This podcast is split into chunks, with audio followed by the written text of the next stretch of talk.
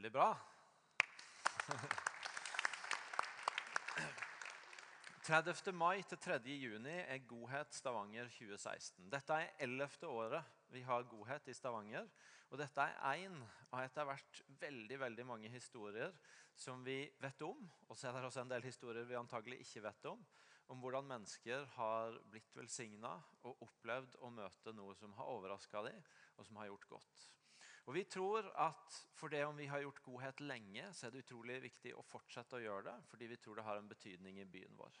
Vi merker verdien av sånne enkelthistorier som det. Vi merker også at over tid så er det bygd en forståelse blant mange mennesker i byen av at dette er noe av det som menigheten i Stavanger holder på med. De er ute for å velsigne, for å eh, vise godhet mot mennesker i denne byen. Og så er vi helt overbevist om at det har forandra oss som er i denne menigheten og i andre menigheter som har vært med. At det gjør noe med hvordan vi lever livet vårt resten av året. Derfor har vi lyst til i år å bare løfte godhet enda et hakk opp igjen. Og si at dette er så viktig for oss. Og når det nå er 20 andre steder i landet som har tatt etter Stavanger og begynt med godhet andre steder i Norge, så har vi lyst til å fortsette å være med i den bevegelsen. Og Derfor så har jeg punkt 1 bare lyst til å bedre nå i god tid. Hold av den uka. Ikke bare en kveld, men hold av ettermiddagene den uka til å være med på godhet, til å velsigne mennesker i denne byen. Og Det andre jeg har lyst til å si er at De siste åra har vi opplevd at noen av de beste oppdraga vi har hatt, det har vært når noen av, av oss, av folk i denne menigheten eller andre menigheter, har tatt steget over til en nabo, en kollega, en venn, som de har sett at trenger hjelp. Noen ganger har det vært med husmaling, noen ganger har det vært med noe inni huset. I fjor var det en vegg som ble bytta ut. Mange forskjellige ting. Hager som har blitt renska opp. Men, men, men, da har vi kommet i kontakt med mennesker som virkelig har trengt og hatt behov, og som vi har fått lov til å møte og overraske med godhet. Så jeg har også derfor lyst til å utfordre dere på har du noen i ditt nabolag, blant dine kolleger, i din omgangskrets, noen du vet om, som du tenker at tenk og møtte opp på døra til de og sagt du, jeg kan ta med meg en gjeng, og så kan vi komme den uka i mai-juni, og så kan vi hjelpe deg med om det er husmalinga eller det som skal ordnes inn i, eller hagen, eller hva det er. Tenk på det, be over det, og ta kontakt etter hvert hvis du har ideer på det. Og så kan vi begynne å se noen spennende godhetsprosjekter, oppdrag, begynne å ta form nå inn mot godhet 30. mai til 3. juni. Hold av uka. Jeg gleder meg.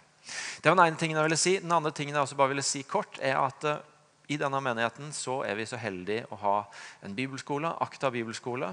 Gjennom fjorårets skoleår så var det et team fra NRK som fulgte fem av våre elever gjennom noen måneder, og som har lagd et TV-program av det, som skal ha premiere på NRK1 skjærtorsdag klokka 21.10. Så Det er altså beste sendetid på skjærtorsdag. Så kommer serien Guds, Guds lærlinger, hvor fem studenter fra fjorårets kull blir fulgt på tett hold. Punkt 1. Be for de studentene. fordi det er et ganske stort trøkk å plutselig være på nasjonal TV og gi fra seg en del kontroll på hvordan du blir presentert og formidla ut. Og uansett hvordan serien blir, så, så kommer det til å være en spennende tid for de. Jeg har veldig lyst til at vi som menighet er med og ber for de i det. Men punkt to, la serien være en mulighet for å snakke om tro, snakke om sider ved tro eh, i møte med mennesker rundt deg. Eh, bruk anledninga til å la den serien være en sånn inngangsport til å starte samtaler om det vi tror på og holder på med her i menigheten. Amen. Fem, seks, fem episoder. Nå ble jeg litt i tvil. Det, seks Seks episoder, sier Johanne. Veldig bra. Da ber vi en bønn, og så er vi i gang med forkynnelsen. Jesus, tusen takk for at du er her. Tusen takk for det vi allerede har fått ta imot fra deg. Og tusen takk for at du ønsker å møte oss gjennom alt det vi gjør denne formiddagen. Av bønn, av lovsang, av nattvær, og også nå gjennom ditt ord. Så inviterer vi Deg Hellige Ånd til å komme og puste liv i ordet. Til å la det bli ikke bare ord, men liv. Og til å gjøre noe med oss som taler til både vårt hode vårt hjerte og våre armer og bein. Amen. Jeg snakker ofte om at jeg er glad i bøker.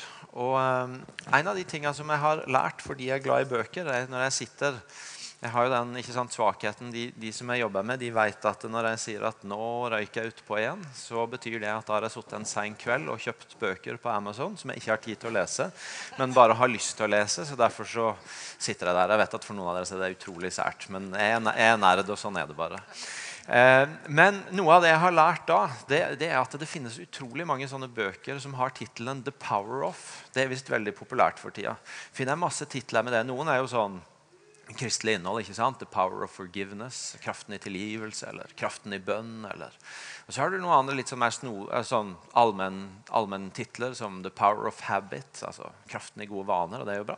Så har du noen av de litt mer snodige, sånn som jeg så en 'The Power of Having a Dog'. Som jo er altså, Ok, kraften i å ha en hund. noen klapper for det. Og jeg har, tenkt, jeg har tenkt de siste ukene at hvis jeg skulle skreve, hvis jeg skulle skreve ei bok om, um, om det viktigste jeg har lært og opplevd så langt i 2016 så ville det vært eh, da, i tråd med den trenden, hatt tittelen 'The Power of Saying I Really Don't Know'. Kraften i å si 'Jeg har ikke peiling. Jeg vet ikke'. Fordi um, jeg har hatt noen situasjoner og noen ting, ting, som jeg har visst at jeg har måttet ta tak i gjøre noe med i starten av dette året, og som jeg har tenkt jeg, Men jeg aner ikke hva jeg skal gjøre med det. Jeg aner ikke hvordan jeg skal møte det. Og så har jeg oppdaga med meg sjøl hvor lett det er når jeg ikke vet hvordan jeg skal løse en situasjon, hvordan, hva jeg skal mene om noe, hvordan jeg skal forholde meg til en utfordring. Hvor lett det er for meg å late som jeg vet, eller å styre litt unna utfordringa. Eller å på et eller annet vis på en måte komme meg litt rundt det. Og så, har det vært noe utrolig frigjørende i å i stedet si, gjerne til noen andre folk, men også ikke primært til Gud at vet du noe, Gud, dette her aner jeg ikke hva jeg skal gjøre med. Jeg, jeg, vet ikke. Jeg vet at jeg må forholde meg til det, men jeg vet ikke hva. Og så har det vært fascinerende å oppleve hvordan når en går der, istedenfor å vike unna, istedenfor å late som en har et svar, istedenfor å prøve å tre litt bort og se om det går over når jeg kommer tilbake igjen. Gjør dere det av og til? Jeg gjør det av og til. Trekker jeg meg litt unna og så tenker jeg kanskje det har gått bort. når jeg er tilbake igjen. Men det, det er ikke alltid det gjør det. Men istedenfor de forskjellige taktikkene der eh, Når en har fått gå fram for Gud, bruke tid i hans nær, nærhet, være stille for han og si det som det er Gud, jeg vet ikke. Og oppleve at noen ganger så viser jeg Gud andre veier som jeg ikke kom på. Noen ganger så gir han et svar. Noen ganger så, så tar han meg gjennom utfordringa. Og, og, så åpner det seg et helt nytt landskap.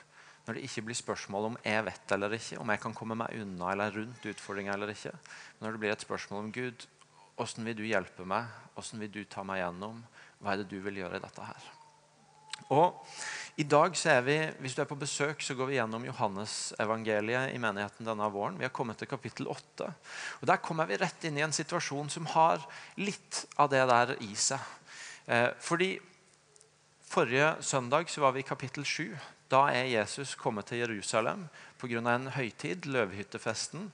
Han havner i diskusjon med de skriftlærde. Og kapittel 8 begynner med å si altså Først så står det at så gikk de hjem hver til sitt. Og så begynner kapittel 8 med å si at neste morgen så kom han til tempelet igjen. og Hele folkemengden samla seg om han, og han satte seg og begynte å undervise dem. Og så skjer det noe. For han, Jesus er tilbake ved tempelet, han underviser folk, og så skjer det noe. Noen kommer. Da kom de skriftlærde og fariseerne med en kvinne som var grepet i ekteskapsbrudd. De førte henne fram og sa, 'Mester, denne kvinnen er grepet på fersk gjerning i ekteskapsbrudd. I loven har Moses påbudt oss å steine slike kvinner. Men hva sier du? Kommer noen inn, og så presenterer de Jesus for et problem. Denne dama er tatt på fersken i å bryte loven, bryte Moseloven. Og de kan med loven i hånd si hun skal steines. Men så setter de Jesus i et dilemma. Hva, hva vil du gjøre? Og Det de egentlig gjør, det er, å, det er å prøve å sette Jesus opp i et dilemma mellom Moseloven for jødene og romersk lov, som forbyr å steine folk. Så, så de setter Jesus i en sånn, eh, i en sånn eh, å, Nå kom jeg ikke på ordet. I en sånn motsetning.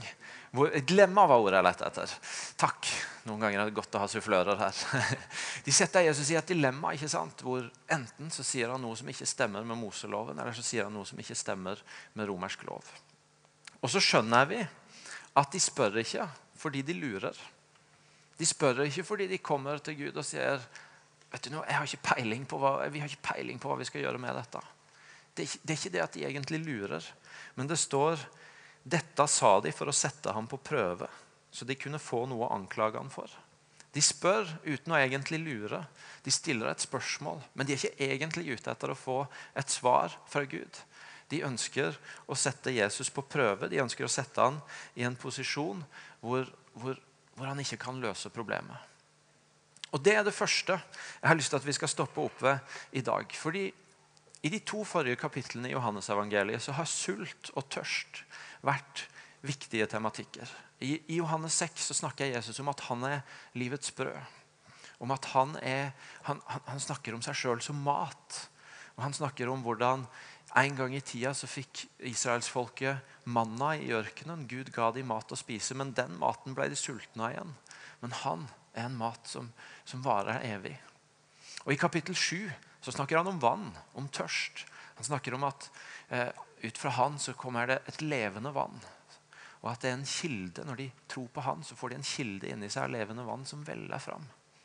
Så budskapet fra Jesus er at er du tørst, kom til meg og spis. Nei, kom til meg og drikk. Er du sulten, kom til meg og spis.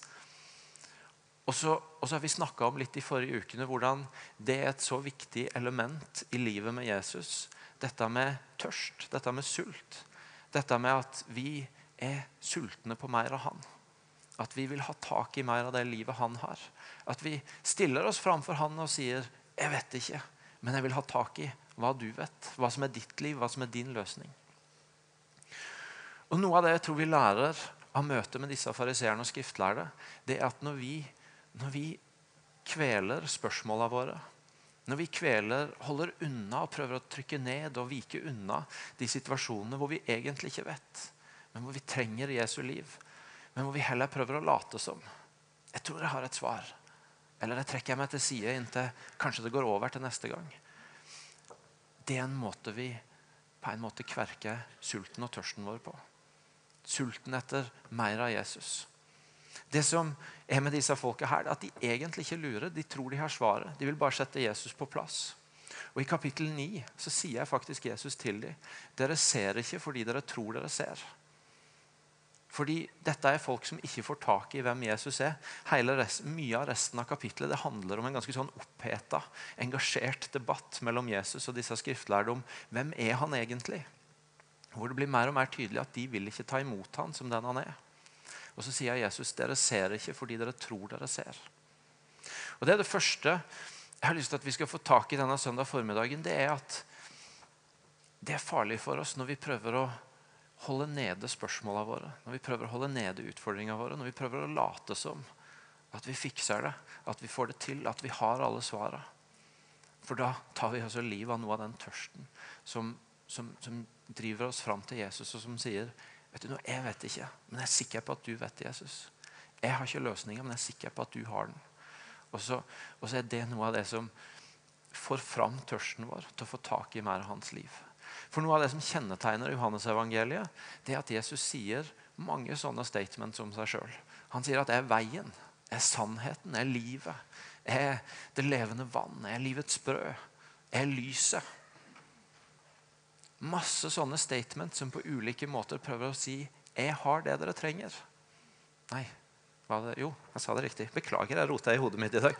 Jeg har det dere trenger. Jeg har alt dere trenger for alle utfordringer. Jeg har, jeg har drikke, jeg har, jeg har spise, jeg har lys når det er mørkt. Jeg har sannhet når det er uklart. Jeg har veien når du ikke veit hvor du skal gå. Jeg har alt. Kom til meg.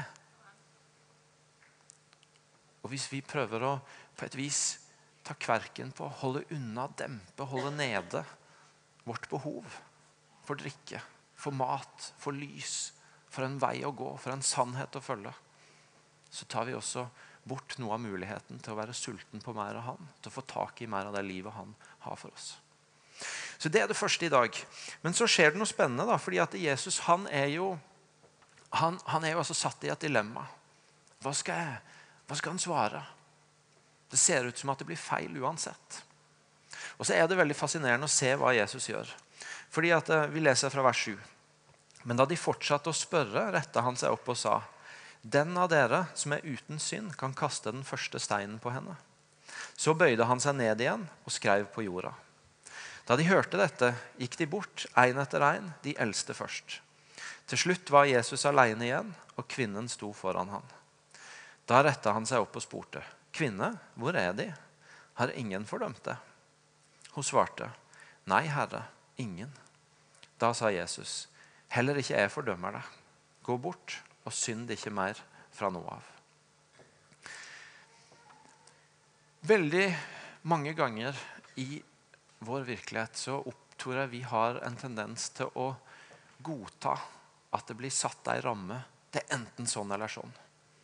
Vi på et vis blir, blir fortalt av verden rundt oss eller av oss sjøl eller av mennesker som kommer til et spørsmål med oss, at du må velge. Det, du må tenke sånn om det eller sånn om det. Og Det er på en måte det Jesus her òg blir pressa inn i.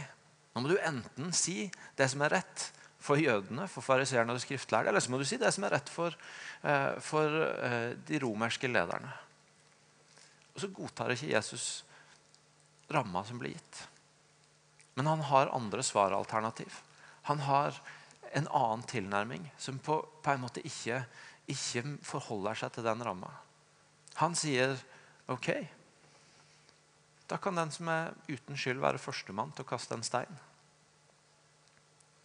Og så er det ingen som kan kaste, for ingen av de er uten skyld. Så har han ikke sagt at uh, Moseloven ikke gjelder lenger. Han har ikke sagt at det var ikke så farlig med ekteskapsbrudd.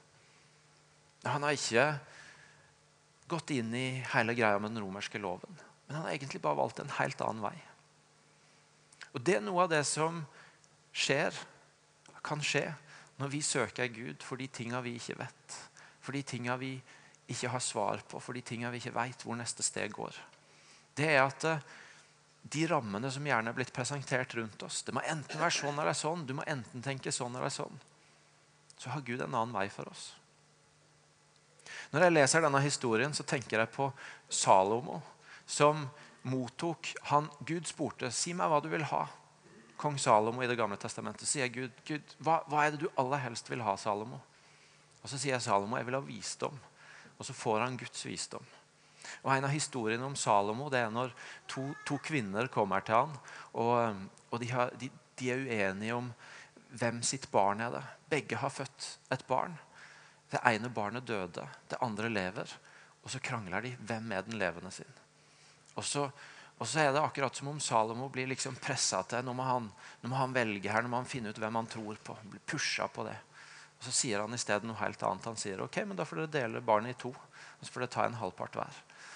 Og Så vet han jo at det ikke går bra. Og så sier den ene kvinna nei, nei, nei, ikke gjør det. La heller hun ta den. Og da vet han hvem som er mora. Det er selvfølgelig hun som vil spare barnets liv. Det er en sånn visdom som ikke forholder seg til de problemstillingene som blir satt opp. Og Det er noe av den samme Guds visdom som du møter her, når, når, når Jesus ikke godtar problemstillinga, men i stedet så viser han en annen vei. Og Sånn er det mange ganger for oss òg. At Gud har andre svar og han har andre rammer enn de alternativene vi setter opp. Og Det kan gjelde på så mange felt i livet.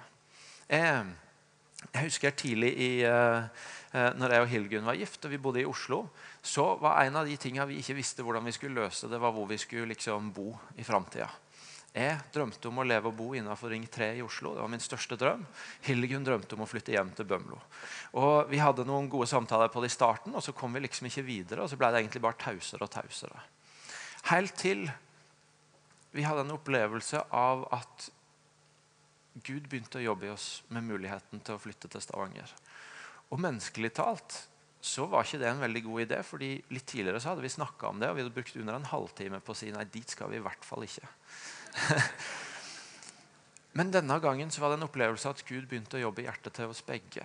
At vi begynte å føle en opplevelse ikke bare av hvem kan få vilja si, eller kan vi finne et passelig kompromiss her hvor begge blir sånn litt fornøyd. Men at oi, her åpner Gud en vei som, som, som vi begge kan se en mulighet i som vi begge faktisk føler oss leda på, som, som fører til en felles drøm. Og så har Gud et helt annet svar enn våre to svaralternativer. Fantastisk. Og det er på ett, ett sånt, ett sånt veldig sånn konkret plan. Og så kan det være i mange situasjoner i livet. Jeg vet ikke hva jeg skal gjøre med dette. Skal jeg gjøre sånn eller sånn, Gud? Noen ganger så leder han sier nei. Ingen av delene. Jeg har en annen vei. Jeg har en annen løsning. Noen ganger når du følger debatten nå om flyktningkrisa, så kan du få inntrykk av at det eneste du kan mene, er for eller imot. Skal vi ha mer lukka grenser, eller skal vi ha mer åpne grenser? Og så kan vi glemme de ordene fra Jesus som sier 'Jeg var fremmed, og dere tok imot meg'. Som egentlig ikke svarer på for eller imot, men som sier at de menneskene som er her nå, de har dere et ansvar for å ta imot. Og som på en måte tar deg ut av den debatten, og så tar den deg inn i noe som kanskje er mye viktigere. Kanskje er det viktigere å forholde seg til at Stavanger Aftenblad denne uka skrev at det er én fosterfamilie i hele Stavanger for alle de mindreårige asylsøkerne, enn det å vite nøyaktig hva du mener om grensene. Fordi Jesus sier 'Jeg var fremmed, og dere tok imot meg'. Akkurat nå så går det en serie på VGTV hvor ei som har vært med i Jesus Revolution, forteller om hennes opplevelse av det og det som ble vanskelig i møte med det. Jeg har stor respekt for henne og for den historien hun forteller, og for ting vi kan lære fra det. Men det er akkurat som om den historien prøver å presse noen av oss inn i at enten så er du radikal, og da mister du deg sjøl og, og, ditt eget. Eller så er du ikke så ivrig og så flittig og så gira og så dedikert. Og så har du frihet til å være den du er. Og så vil noen si at ja, men er det nødt til å være bare de to alternativene? Kan det hende at det går an å ikke miste seg sjøl og allikevel brenne for Jesus? Jeg tror det. Jeg tror det. Og Det er ikke sagt som en kritikk til denne dama som, som har lagd serien. For, for, hun er tøff som forteller sin historie.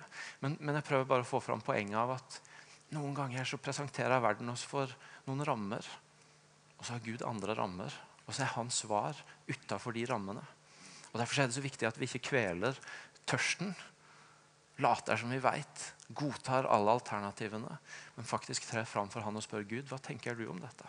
Hva er din vei i dette? Hvor vil du lede oss i dette? Og så er det fascinerende å se hva som skjer. Fordi at det Jesus i praksis sier til denne kvinna, det er 'venn om'. Han sier ikke 'det er greit'. Det er greit. Ekteskapsbrudd, det går bra.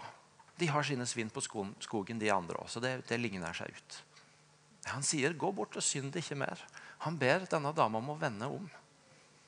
Han taler sannhet, men han taler ikke en sannhet som fordømmer.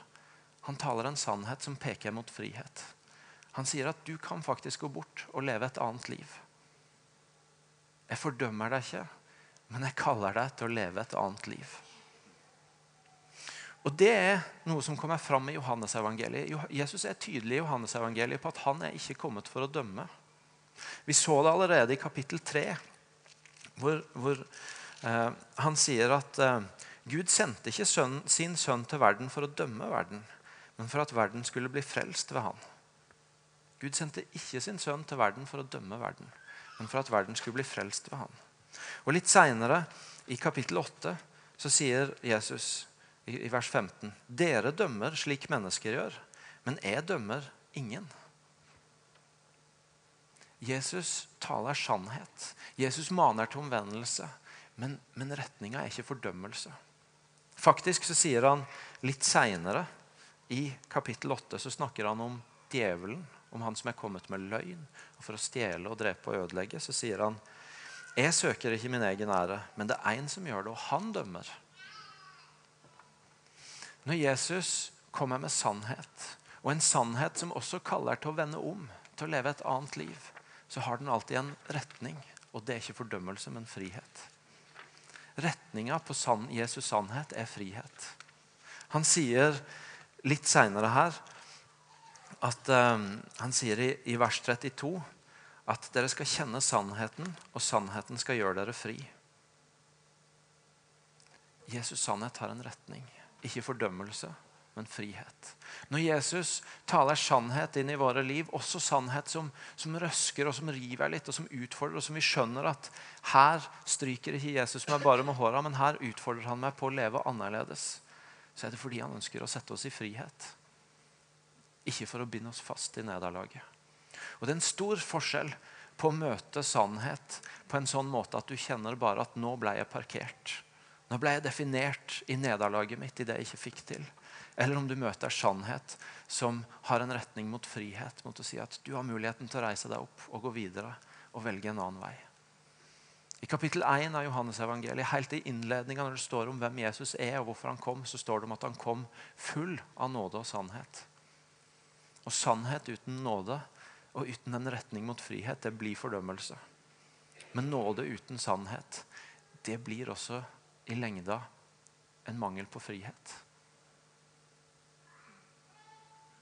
Når vi ikke tør å være sanne, når vi ikke tør å snakke om sannhet, så står vi i fare for å røve frihet fra folk. Men når vi ikke holder Jesu retning på sannheten, når vi tar bort nåden, når vi ikke peker mot friheten, så røver vi også frihet fra folk. For da ender det i fordømmelse. Jeg er ikke kommet for å dømme verden.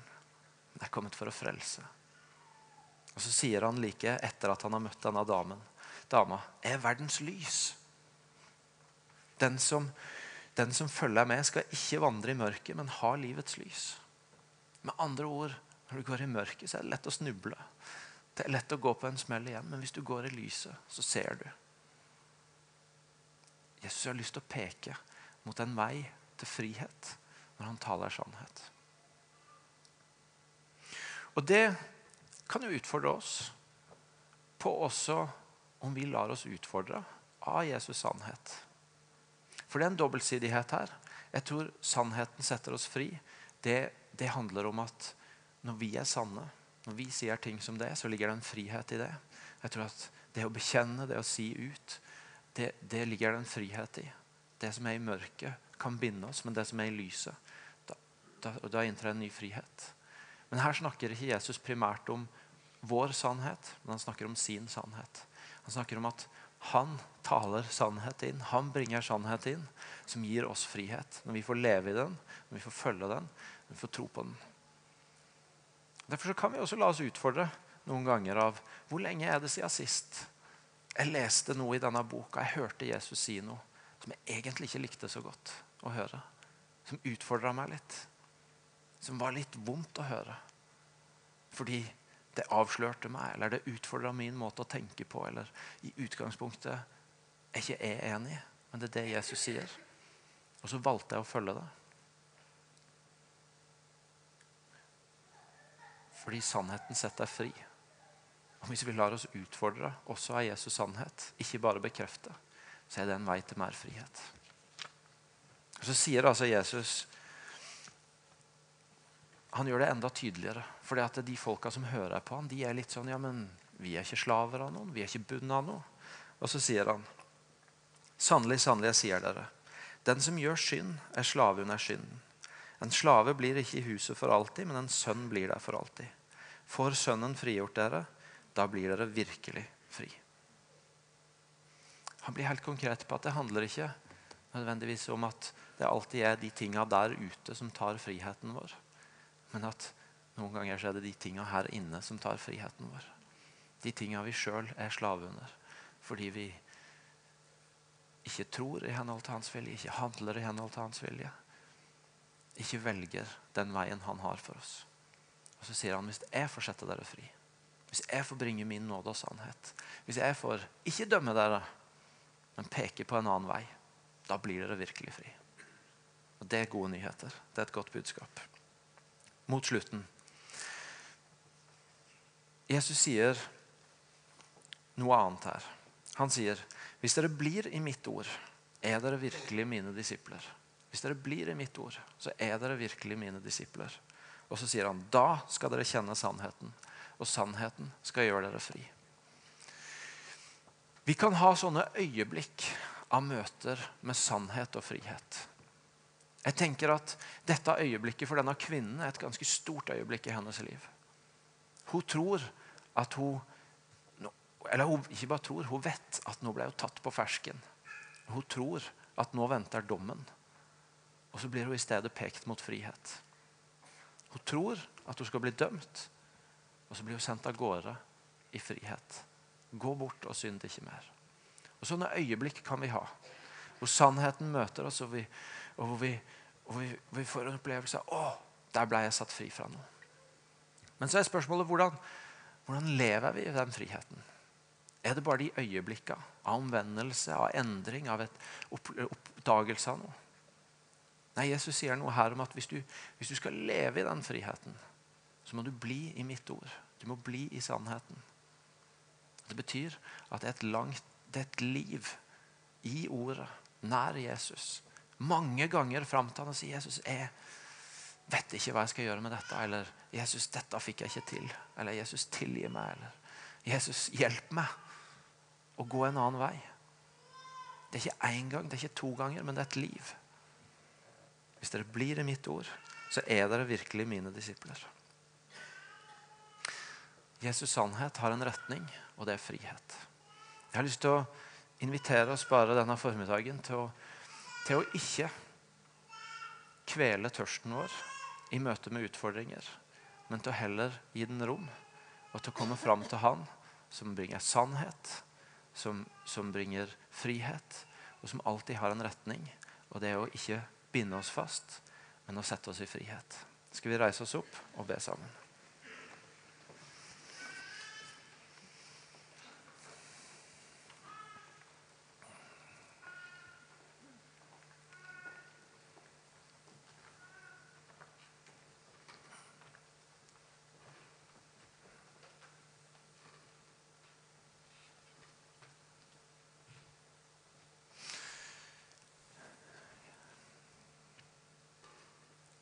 Jesus, takk for at du ikke lar deg binde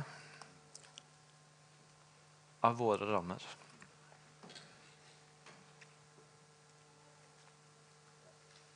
Takk for at du kan tale sannhet inn i våre liv, som ikke parkerer oss, som ikke fordømmer oss,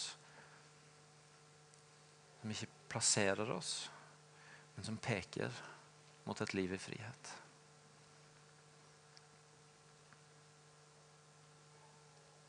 Jeg har lyst til å be deg om at du nå møter oss på punkter i livet hvor vi trenger å slutte å late som. Late som vi veit svaret. Late som vi kan vike unna. Late som at det kanskje går over. Og så inviterer du oss heller til å komme fram for deg og si 'Jesus, hjelp meg'. Jesus, gi meg det jeg trenger. Jesus, tal din sannhet. Bring din frihet. Tal til oss om hvilke områder det er i livet vårt.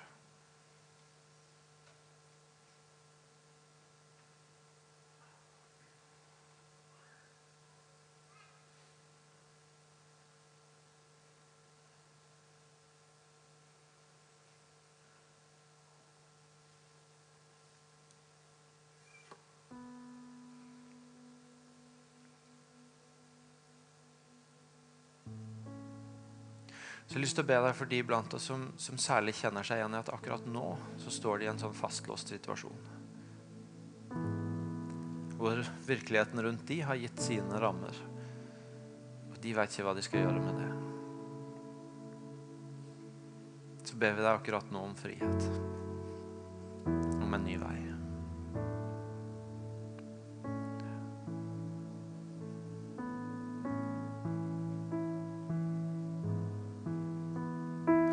Deg for at du minner dem på at dette er ikke endestasjonen.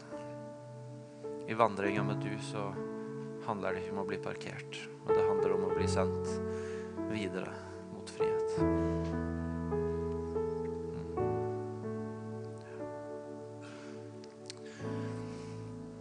Nå har vi litt tid før barn må hentes til å tilbe og søke forbønn. Lovsangsteamet kommer til å lede oss i forbønn, nei, i tilbedelse, og så er det forbedere på den sida som gjerne vil be for deg. Kanskje har du en konkret situasjon ut ifra det jeg har talt om nå, som du ønsker at noen ber sammen med deg om. Gud, hva Jeg vet ikke. Eller Gud, jeg trenger en ny start.